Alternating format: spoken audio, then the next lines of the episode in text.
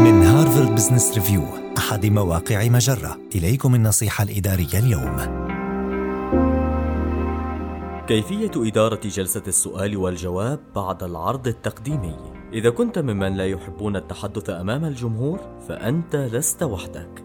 يمكنك الحد من الشعور بالتوتر من خلال التحضير جيدا للعروض التقديمية لكن المشكلة الحقيقية تكمن في فقرة الأسئلة والأجوبة فأنت لا تعرف ما الذي سيسأل عنه الحضور.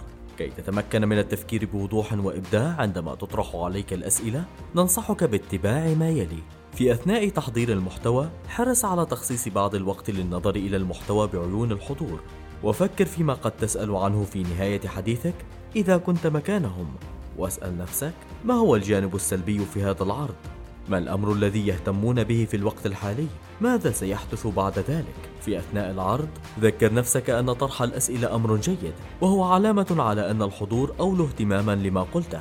أعد صياغة الأسئلة والأجوبة لتأخذ شكل المحادثة المثمرة وهو ما يدل على اندماج الحضور معك بشكل سليم. وبذلك ستقل احتمالية أن يتخذ عقلك موقفا دفاعيا ما يعني أنك ستكون أكثر قدرة على التحمل. هذه النصيحة من مقال كيف تدير جلسة السؤال والجواب بنجاح بعد عرضك التقديمي.